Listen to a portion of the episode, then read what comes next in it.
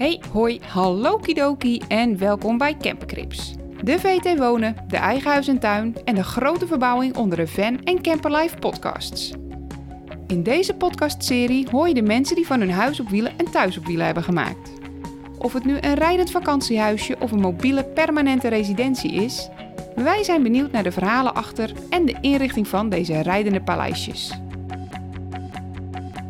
Wij zijn van verhalen en we presenteren Campercrips. Met in deze aflevering Kelly en welkom in mijn campercrib. In deze eerste aflevering van Campercrips gaan we op bezoek bij Kelly. De meeste mensen beschrijven de inrichting van Kelly's Volkswagen T4-bus als cute. Zelf noemt zij Campercrip misschien wel een tikkeltje hysterisch. Ze richt haar huisje in met prinkjes en kleedjes en reist op het moment in haar eentje tot Portugal.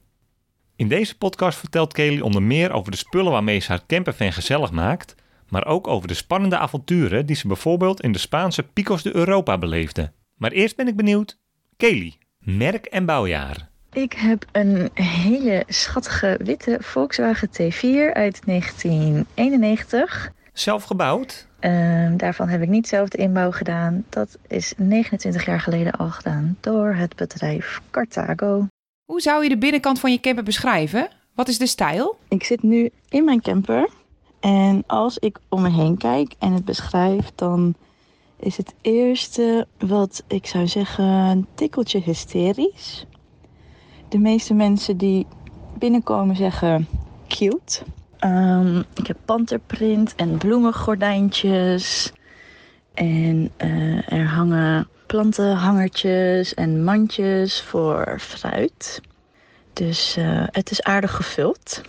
Als je binnenkomt via de schuifdeur aan de zijkant, dan zie je rechts eerst een draaistoel met een mooi gezellig kleedje erop. En eigenlijk loop je ook meteen tegen mijn Porta Potty aan, wat alleen niet iedereen ziet, want ook daar zit een mooi kleedje overheen en dat lijkt net een krukje of een tafeltje. Daar gebruik ik hem ook eigenlijk best wel vaak voor. Het mooiste aan de camper vind ik eigenlijk dat er veel licht is. Ik heb heel veel ramen, vooral bovenin. Ik heb een vrij hoog campertje. Er zitten twee grote ramen. En daar kan ik altijd iedereen mee begluren. Dat vind ik erg prettig. Dan weet ik wat er aan de gang is buiten de camper. En als je binnenkomt, recht voor je zie je ja, de woonkamer, de keuken, mijn kantoor. Alles in één. Een koelkast, een gasstelletje. Maar dat kan je ook verbergen. En dan is het gewoon een soort werkblad. En een kastje met een tafel. Uh, tenminste, de deur van het kastje wordt een tafel. En daar zit ik altijd aan op mijn bankje aan de linkerkant als je binnenkomt. Het is een heel klein maar fijn bankje. Ik kan er opgekruld lekker op liggen, dus dat doe ik ook heel vaak. En datzelfde bankje wordt mijn bed. Die schuif ik uit tot de helft van de keuken.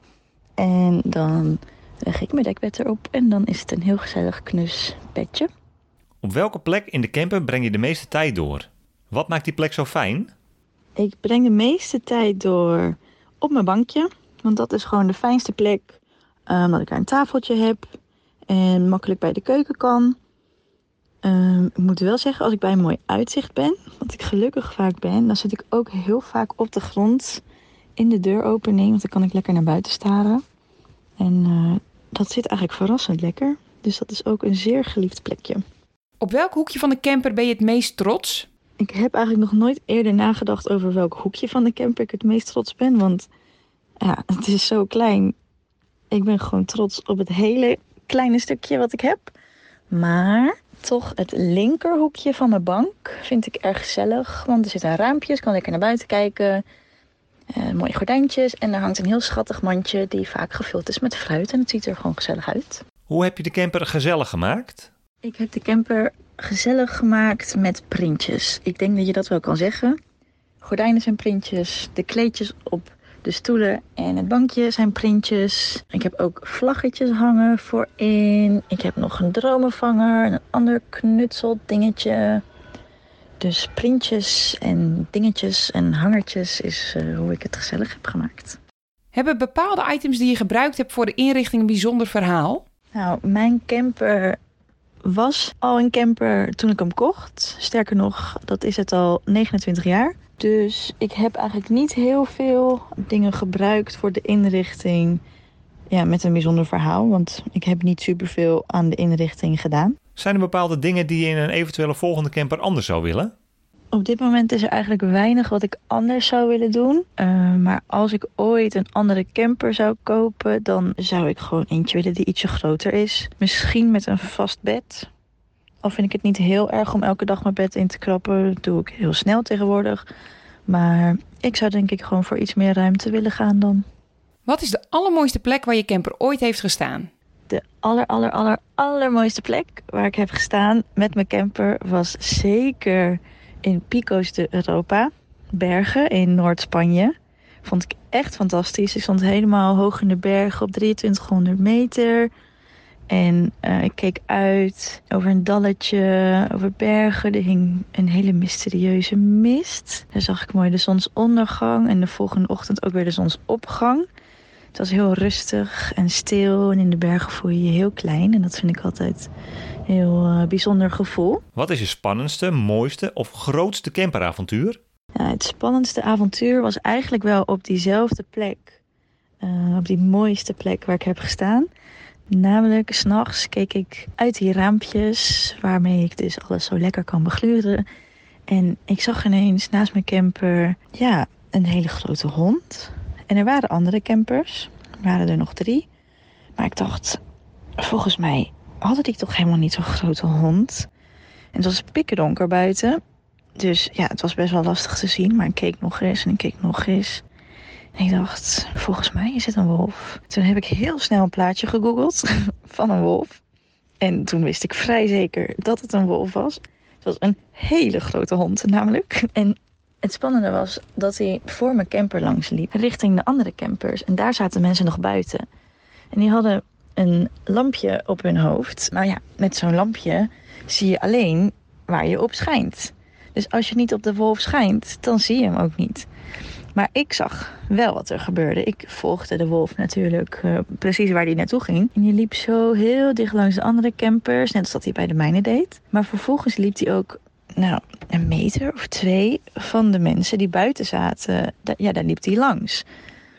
En ik weet nog dat alle mensen eigenlijk alleen maar Spaans konden. En dat ik dacht, maar ik moet nu iets zeggen, want er is een wolf. Straks doet hij iets. En het is ook gewoon heel cool, denk ik, om een wolf te zien. Maar goed, eigenlijk uit angst bleef ik alleen maar uit mijn raampje gluren. En uh, heel erg in spanning kijken wat hij ging doen. En natuurlijk liep hij gewoon rustig weg. Er was helemaal niks aan de hand. Maar toen hij weg was, ben ik heel snel naar buiten gegaan.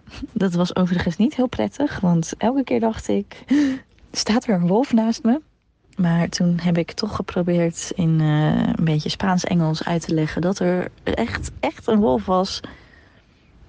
Later heb ik begrepen dat wolven helemaal niet zo spannend zijn. Dat ze vooral graag uh, schapen willen vangen, niet mensen.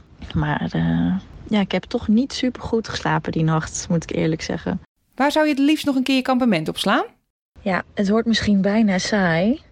Maar toch op diezelfde plek zou ik het liefst nog een keer naartoe gaan. Dan ga ik wel uh, een wolvenmelder kopen of zo. Bestaat dat? Nee, maar ik zou daar wel graag uh, nog een keer naartoe gaan. Het was echt super mooi. Ik was er één nachtje. Ik zou er wel weken willen blijven. Dus dat is zeker de plek die ik nog een keer wil bezoeken. Het is trouwens dat ik één mooie plek moet kiezen. Dat is gelukkig niet heel moeilijk, want het was dus echt mijn favoriet. Maar ik heb zo ontzettend veel mooie plekken gezien in Noord-Spanje. Je hebt daar zoveel ontzettend mooie uitzichten op de zee. En aan de andere kant groene heuvels en ruige kliffen. Dus eigenlijk is dat sowieso wel een enorme aanrader om naartoe te gaan. Want ik weet zeker dat je daar heel veel allermooiste plekken gaat vinden. Rommelig of opgeruimd? Mm, mag ik ook zeggen rommelig opgeruimd? Ik weet namelijk precies waar alles ligt.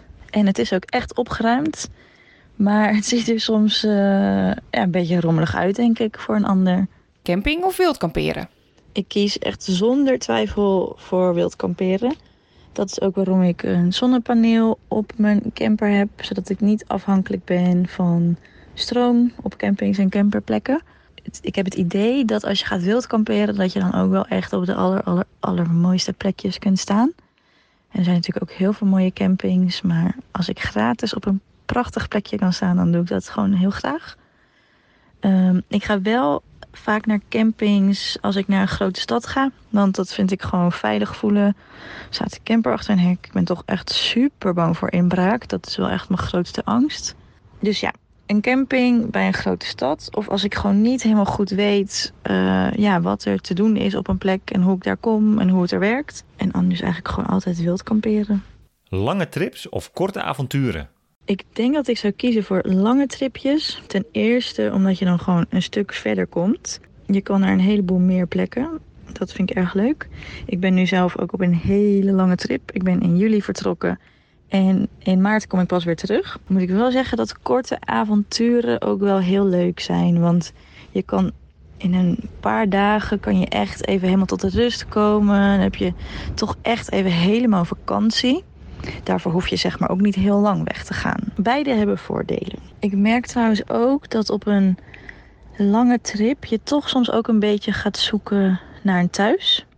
Dat je toch wat langer op een plek blijft en het ja, ook niet de hele dag constant op avontuur gaat. Dat je ook gewoon een beetje ja, je ding doet, een beetje werkt. Dat doe ik in ieder geval. Dus op een lange trip kan het soms voelen alsof je korte tripjes maakt. Dus dat je gewoon langer ergens een, een beetje thuis hebt. En dan ga je weer eventjes een paar uitstapjes maken. En dan ben je weer ergens voor langere tijd. Dus uh, op een gegeven moment een lang avontuur is denk ik ook... Dan, dan is het meer je leven. Ik bedoel, ik woon nu in de camper. Dus dan ben je niet elke dag uh, aan het ontdekken, zeg maar. Minimalistisch of een camperhoorder?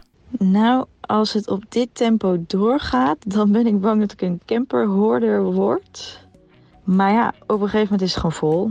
Dus uh, ja, misschien moet ik iets minimalistischer worden. Want anders kan ik de komende tijd helemaal geen leuke souvenirtjes en dingetjes meer meenemen. Vanuit haar campercrip hoorde je Kelly. Benieuwd naar de beelden bij het verhaal en de reis die ze maakt?